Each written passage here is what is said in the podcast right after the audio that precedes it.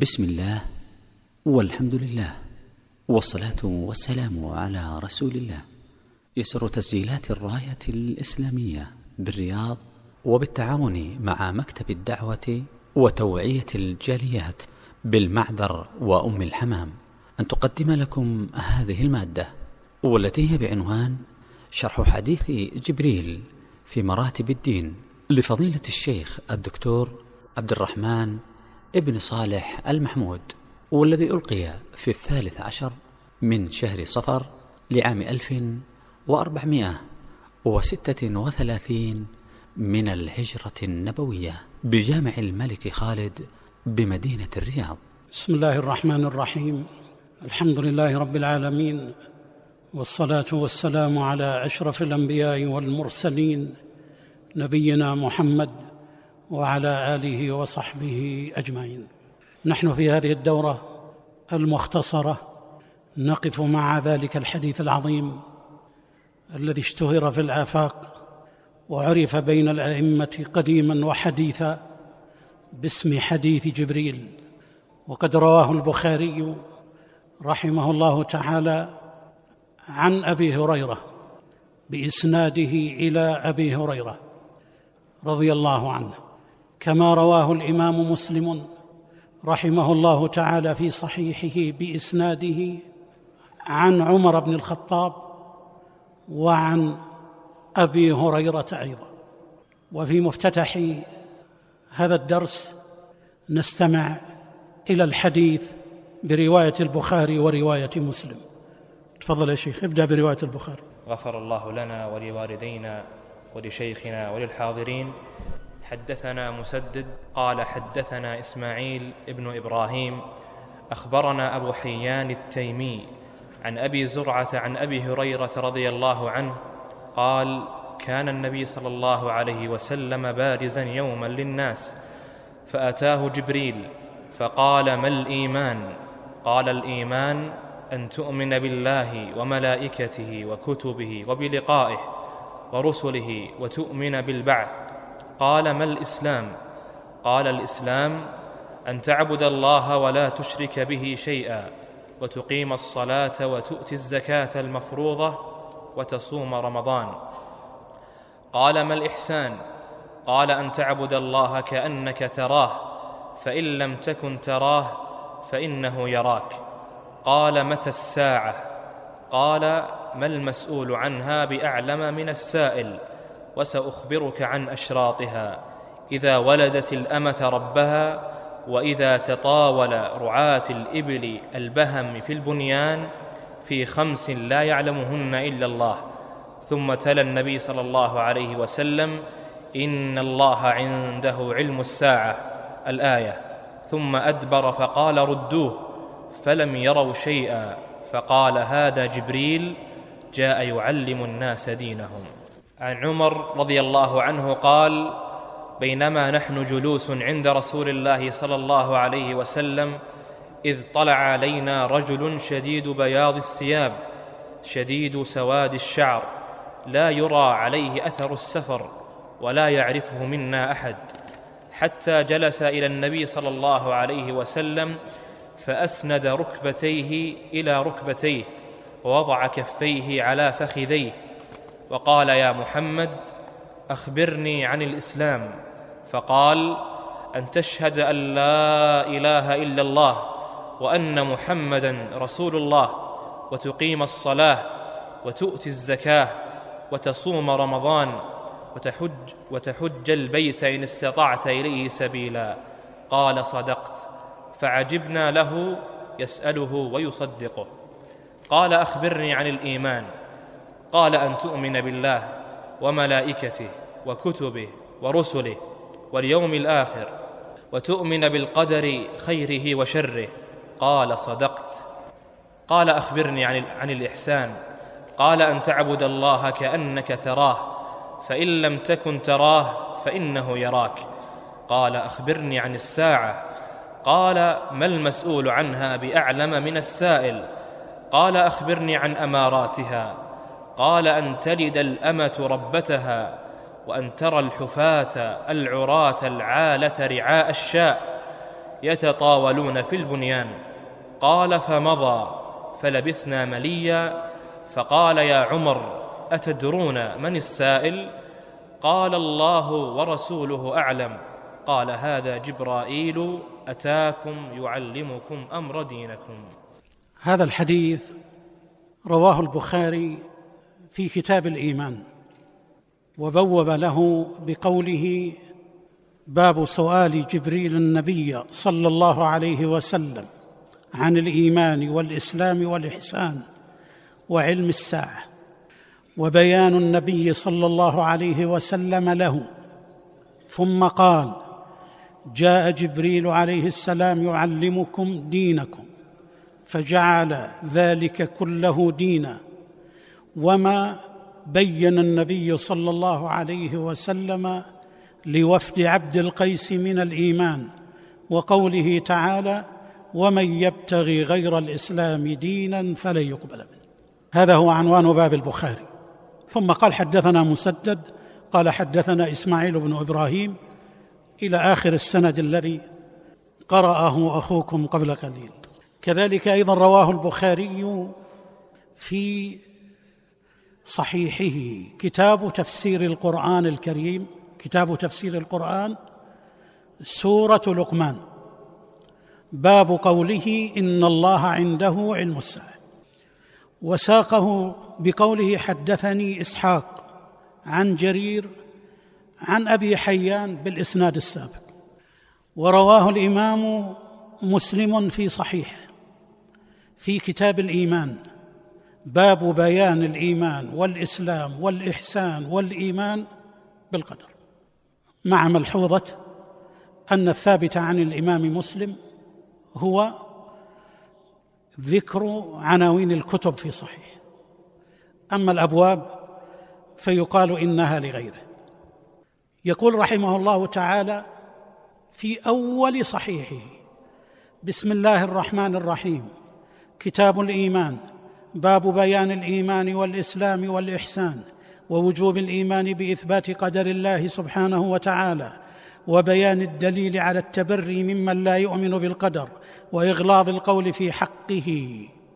ثم قال الإمام مسلم بن الحجاج القشيري رحمه الله تعالى حدثني أبو خيثمة زهير بن حرب حدثنا وكيع عن كهمس عن عبد الله بن بريدة عن يحيى بن عمرو. حاء أي تحويل. وحدثنا عبيد الله ابن معاذ العنبري. وهذا حديثه. حدثنا أبي حدثنا كهمس عن ابن بريدة عن يحيى بن عمر قال كان أول من قال في القدر بالبصرة معبد الجهني. فانطلقت أنا وحميد بن عبد الرحمن الحميري. حاجين أو معتمرين. فقلنا لو لقينا أحدا من أصحاب رسول الله صلى الله عليه وسلم فسألناه عما يقول هؤلاء في القدر فوفق لنا عبد الله ابن عمر بن الخطاب داخلا المسجد فاكتنفته أنا وصاحبي أحدنا عن يمينه والآخر عن شماله فظننت أن صاحبي سيكل الكلام إلي. فقلت أبا عبد الرحمن إنه قد ظهر قبلنا ناس يقرؤون القرآن ويتقفرون العلم وذكر من شأنهم وأنهم يزعمون ألا قدر وأن الأمر أنف. قال فإذا لقيت هؤلاء فإذا لقيت أولئك فأخبرهم. اني منهم بريء وأنهم مني وأنهم براء مني. والذي يحلف به عبد الله بن عمر لو أن لأحدهم مثل أحد ذهبا فأنفقه ما قبل الله منه حتى يؤمن بالقدر. ثم قال حدثني أبي عمر بن الخطاب قال بينما نحن عند رسول الله صلى الله عليه وسلم ذات يوم إذ طلع علينا رجل شديد بياض الثياب إلى آخر الرواية التي أيضا قرأها أخونا قبل قليل وفقه الله تعالى.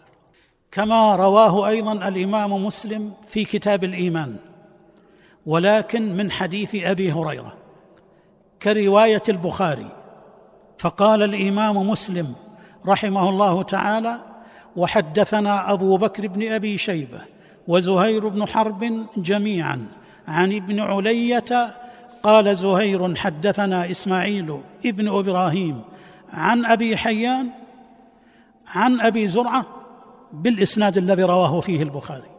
كما رواه أيضا بطريق آخر فقال حدثنا زهير بن حرب حدثنا جرير عن عمارة وهو ابن القعقاع عن أبي زرعة عن أبي هريرة قال قال رسول الله صلى الله عليه وسلم سلوني فهابوه أي يسألوه. فجاء رجل فجلس عند ركبتيه فقال يا رسول الله ما الإسلام؟ وقد رواه غير البخاري ومسلم. أئمة السنة أغلب أهل السنن كما أيضا رواه الإمام أحمد وابن حبان وغيرهم فهو حديث شهير في دواوين سنة المصطفى صلى الله عليه وآله وسلم. ونحن فيما ذكرناه عن البخاري ومسلم عندنا حديثان. أحدهما عن عمر بن الخطاب والثاني عن أبي هريرة رضي الله عنه. وقيل إنه أيضا روي عن غيرهما. فهو حديث شهير.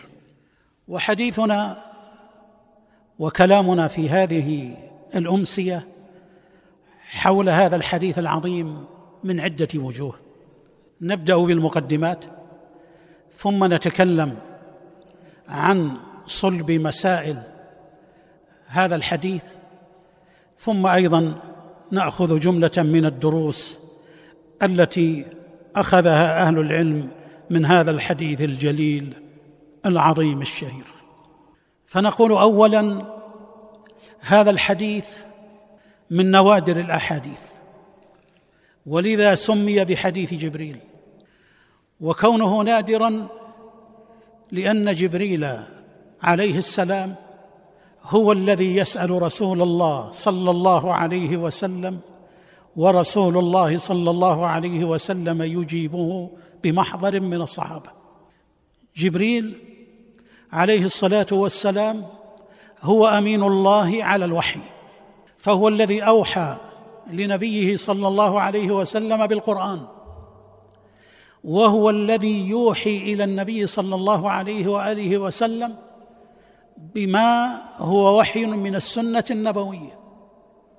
فالنبي صلى الله عليه وآله وسلم يرى جبريل ويلتقي به. قد رآه على حقيقته مرتين. لكن فيما عدا ذلك كان جبريل إما أن ينفث في روعه الوحي نفثا أو يكلمه من وراء حجاب أو أن يأتيه بصورة رجل. وأغلب الروايات التي يراها الصحابة لكن لا يسمعون ما الذي يدور. أنه عليه السلام كان يأتي في صورة دحية الكلب. هذا هو الأشهر. لكن هنا في هذه الرواية وهي هي الرواية الفريدة النادرة التي يأتي فيها جبريل بهذه الصورة التي جاء وصفها وسيأتي بيانها بعد قليل. ثم يسأل رسول الله صلى الله عليه وسلم عدة أسئلة ورسول الله يجيبه والصحابة رضي الله عنهم وأرضاهم حاضرون. كيف سمي حديث جبريل؟ سمي بذلك لنهاية الحديث لأن النبي صلى الله عليه وسلم قال في نهايته هذا جبريل وإلا ففي البداية لم يكونوا يعرفونه. فاشتهر عند الأئمة رحمهم الله تعالى بحديث جبريل. ثم نقول ثانيا في المقدمات هذا الحديث رواه البخاري كما رواه الإمام مسلم.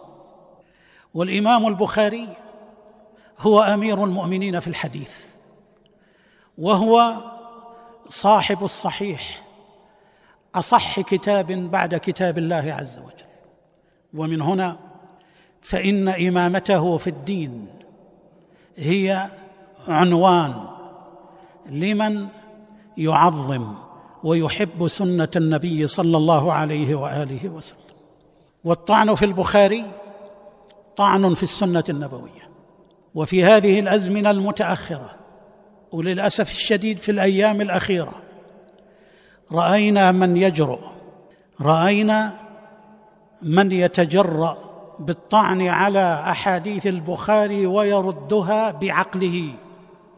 والطعن في البخاري ليس جديدا فهو طريقة المستشرقين والمنصرين والرافضة وأعداء الدين كلهم يطعن في الإمام البخاري وكلامهم مدون وردود الأئمة قديما وحديثا. على من يطعن فيه موجودة ومشتهرة. لماذا في البخاري؟ لماذا الطعن في البخاري؟ يختارون أهم وأعظم من دون سنة النبي صلى الله عليه وسلم. لأنه إذا طعن في البخاري وهو الإمام الجهبذ وطعن في صحيحه فالطعن فيما سواه من كتب السنة من باب أولى وأسهل عند هؤلاء ولا يطعن في البخاري وفي صحيحه إلا من هو حاقد على دين الله عز وجل متأثر بشبهات المستشرقين وأعداء الدين وإنما يطعن في سنة النبي صلى الله عليه وسلم الزنادقة لأن الطعن في سنته طعن في دين الإسلام. كما أن الطعن في الصحابة طعن في دين الإسلام. وعلى هذا فنحن نقول لماذا يتجرأ هؤلاء في كل فترة بالطعن على الإمام البخاري وعلى سنته؟ لماذا مثل هؤلاء يتكلمون ويتجرؤون ولا يؤدبون؟ هؤلاء يجب الاحتساب عليهم ويجب أن يوقفوا عند حدهم لأن الطعن ليس في شخص من الأشخاص وإنما هذا الطعن وهذا التكذيب لأحاديث رسول الله صلى الله عليه وسلم هو طعن في السنة النبوية وفي من قالها وهو رسول الله صلى الله عليه وسلم وفي النهاية هو طعن في الإسلام. والإمام البخاري رحمه الله تعالى انتقى كتابه. فلم يقتصر على الصحيح واختاره من بين ألوف الأحاديث فهو الانتقاء. وإذا كان كذلك فلا ينبغي لأحد أن يقول إن البخاري ترك احاديثا اذا البخاري يتركها ونحن أيضا نترك بعض الأحاديث. فالبخاري إمام جمع الروايات والطرق ثم انتخب منها هذا الصحيح. وقال هو لم أقتصر على الصحيح. وعليه فغيره كالإمام مسلم وكأصحاب السنن والمسانيد أيضا رووا أحاديث عن رسول الله صلى الله عليه وسلم صحيحة بعضها بمنزلة صحيح البخاري بل بعضها أحيانا أعلى من بعض مرويات البخاري. ثالثا راوي هذا هذا الحديث هو أبو هريرة. وأبو هريرة عبد الرحمن الدوسي الصحابي الجليل المشهور هو أكثر أصحاب النبي صلى الله عليه وسلم رواية للحديث.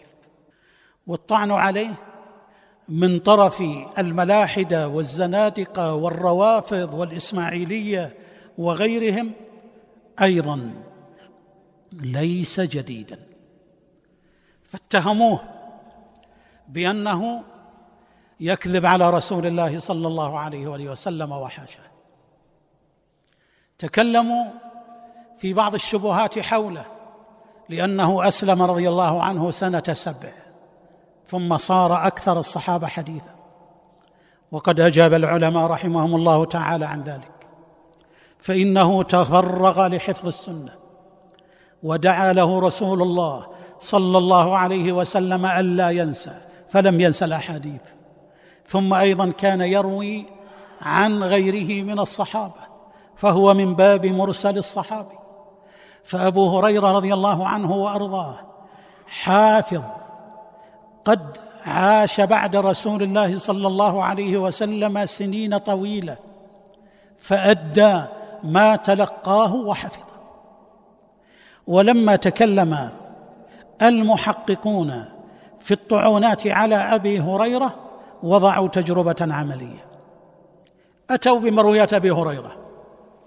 ثم نظروا في المرويات الأخرى وهل رواها غيره أم لا. فوجدوا أن هذه الألوف من الأحاديث التي رواها أبو هريرة لم ينفرد بها رضي الله عنه وإنما رواها غيره من الصحابة. لم ينفرد إلا بما يقارب ثلاثمائة حديث من ألوف الأحاديث التي رواها رضي الله عنه. فتبين بهذا بطلان هذا وهناك دراسات متعددة حول هذه القضية. كما أن رواية مسلم رواها عمر بن الخطاب رضي الله عنه. وعمر بن الخطاب رضي الله عنه شوكة في حلوق الروافض والمجوس وهو أمير المؤمنين. وإمام المسلمين والخليفة بعد أبي بكر الصديق رضي الله عنه رابعا من المقدمات هذا الحديث العظيم جاءت قصته في آخر عهد النبي صلى الله عليه وسلم لأنه في حديث عمر عند مسلم ذكر في أركان الإسلام الحج والحج إنما فرض في السنة التاسعة. وإذا كان كذلك فإن هذا الحديث يكون متأخرا. أما ما جاء في رواية أبي هريرة عند مسلم والبخاري من عدم ذكر الحج فإن هذا قد أجاب عنه العلماء رحمهم الله تعالى بأن بعض الرواة قد يقتصر على بعض الأشياء دون بعض على بعض الأشياء دون بعض وستأتينا الإشارة إلى شيء من هذا إن شاء الله تعالى. ثم نقول هذا الحديث قال فيه ابن رجب رحمه الله تعالى في كتابه فتح الباري قيل إنه يصلح أن يسمى أم السنة لرجوعها كلها إليه كما تسمى الفاتحة أم الكتاب وأم القرآن لمرجعه إليها. وهذا صحيح. فإن حديث جبريل قد حوى الدين من أوله إلى آخره كما سيأتي.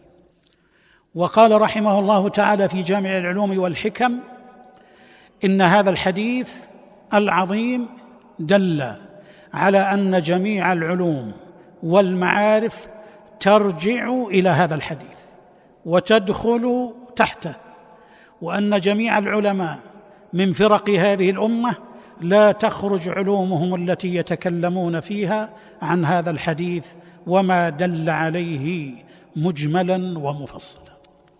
فتبين بهذا أن هذا حديث عظيم جليل.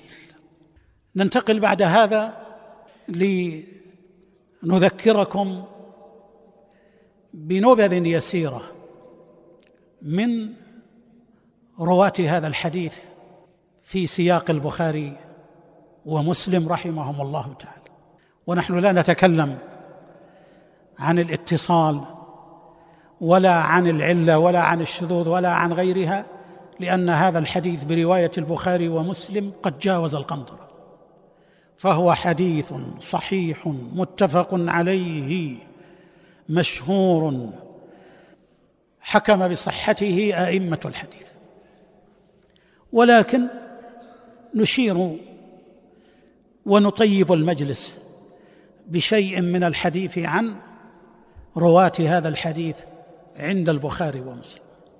هؤلاء الرواة هم أولهم عند البخاري مسدد بن مسرهد وهو مسدد بن مسرهد ابن مسربل الإمام الحافظ الحجة أبو الحسن الأسدي البصري هو من رجال البخاري وأبي داود والترمذي والنسائي.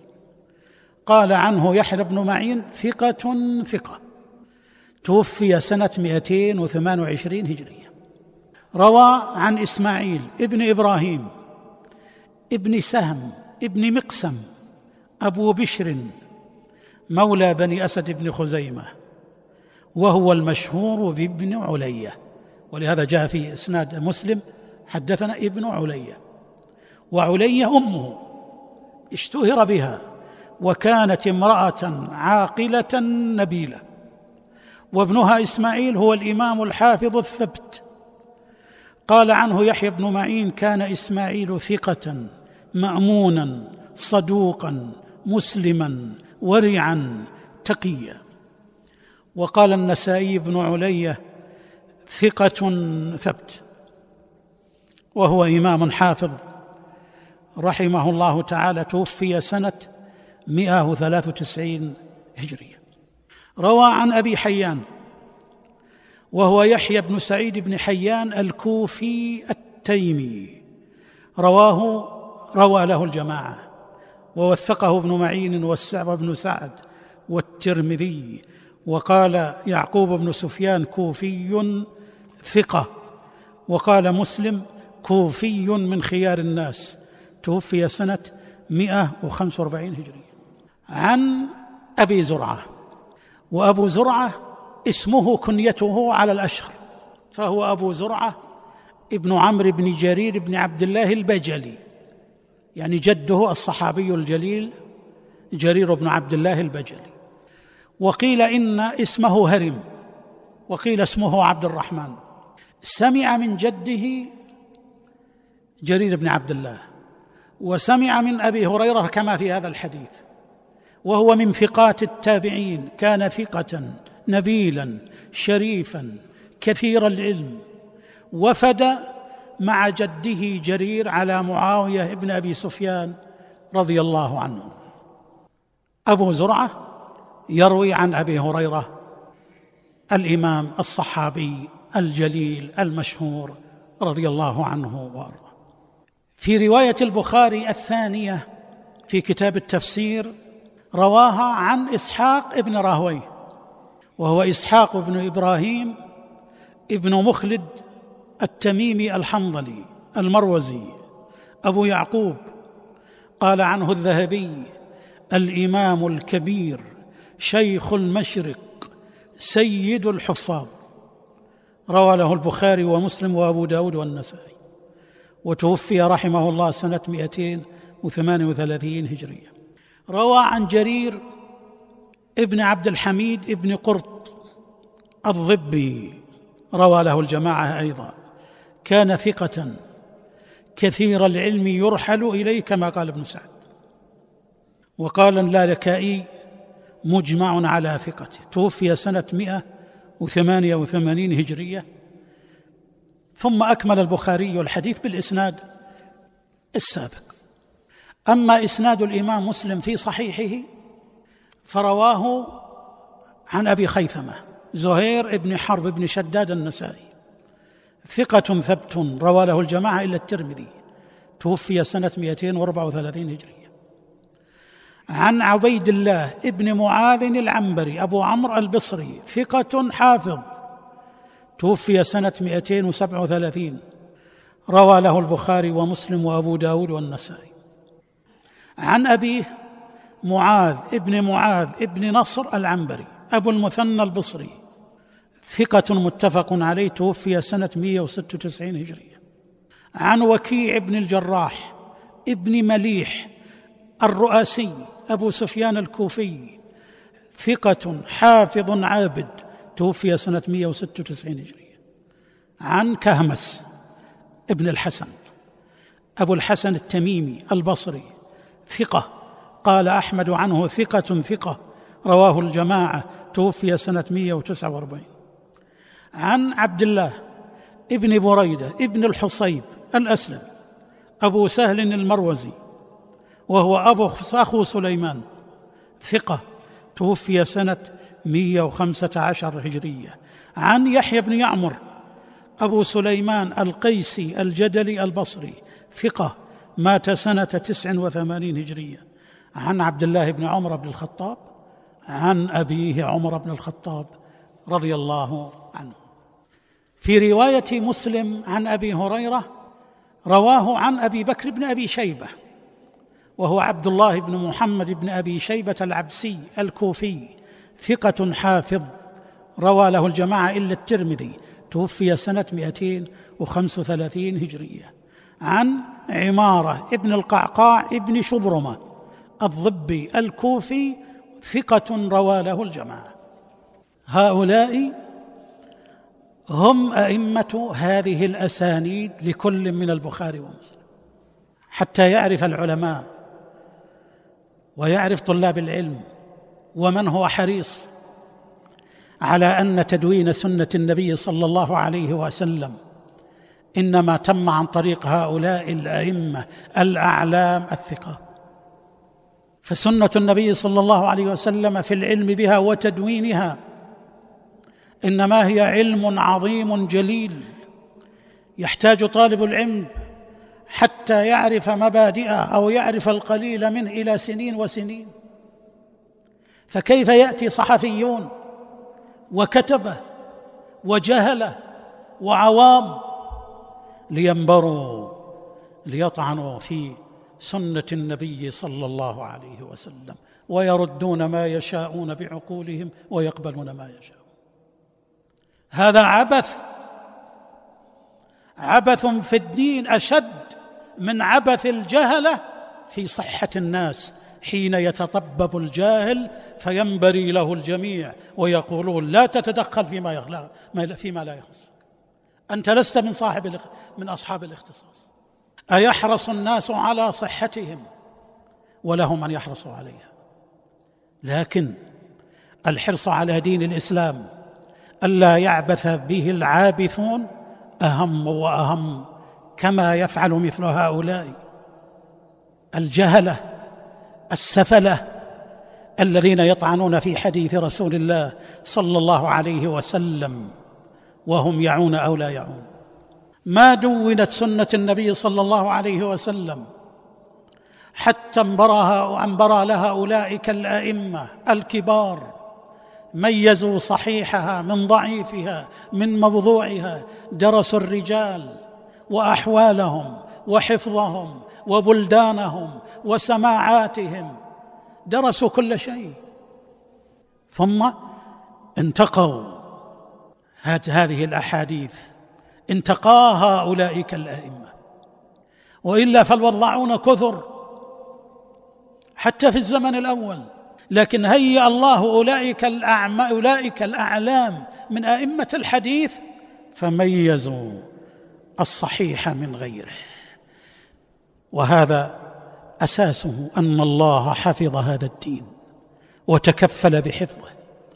أما حفظ القرآن فمعلوم وأما حفظ سنة النبي صلى الله عليه وسلم فبما أشرنا إليه ولم نشر إلا القليل إلا إلى القليل مما يتعلق بهذا الموضوع وبهذا وصلت إلينا سنة النبي صلى الله عليه وآله وسلم واضحة ممحصة بينة والحمد لله رب العالمين لمن أراد الاتباع والسير على طريقة رسول الله صلى الله عليه وسلم.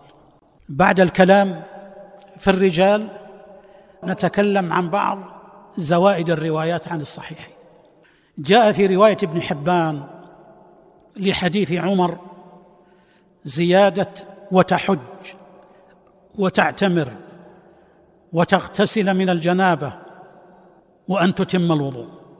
قال فإذا فعلت ذلك فأنا مسلم؟ قال نعم. وفي الإيمان زيادة وتؤمن بالجنة والنار والميزان. قال فإذا فعلت ذلك فأنا مؤمن؟ قال نعم. في آخره قال صلى الله عليه وسلم هذا جبريل أتاكم ليعلمكم أمر دينكم. خذوا عنه. والذي نفسي بيده. ما شبه علي منذ أتاني قبل مرتي هذه وما عرفته حتى ولى. ويدل هذا على على هذا أيضا رواية البخاري ومسلم. لأنه قال ردوا علي الرجل. فأرادوه فلم يروه. فعلم النبي صلى الله عليه وآله وسلم أنه جبريل. كما تلاحظون في هذه الروايات سأل جبريل رسول الله صلى الله عليه وسلم عن الإسلام والإيمان والإحسان. جاء في بعضها تقديم بعضها على بعض. فعند البخاري قدم الإيمان على الإسلام. وعند مسلم في حديث أبي هريرة أيضا قدم الإيمان على الإسلام. لكن أيضا عند مسلم في حديث أبي هريرة رواية قدم الإسلام على الإيمان. يعني سأل عن الإسلام أولا ثم الايمان ثم الاحسان بينما في روايات البخاري ومسلم السابقة سأل عن الإيمان ثم الإسلام ثم الإحسان. أما حديث عمر بن الخطاب رضي الله عنه عند مسلم فكما هو مشهور قدم الإسلام سأل عن الإسلام ثم الإيمان ثم الإحسان. جاء عند الترمذي في حديث عمر تقديم الإيمان على الإسلام. وجاء في إحدى الروايات أنه في إحدى روايات عمر أنه سأله عن الإحسان بين الإسلام والإيمان. يعني سأل عن الإيمان ثم الإحسان ثم الإيمان. هذا الاختلاف في هذه الروايات بناء على أن الذين رووا حديث رسول الله صلى الله عليه وسلم من أئمة الحديث في الإسناد وغيره يروونه فقد يقدم أحدهم وقد يؤخر. ولهذا فإن مثل هذه الروايات إذا جمعت يتبين منها عند جمعها ما قاله رسول الله صلى الله عليه وآله وسلم.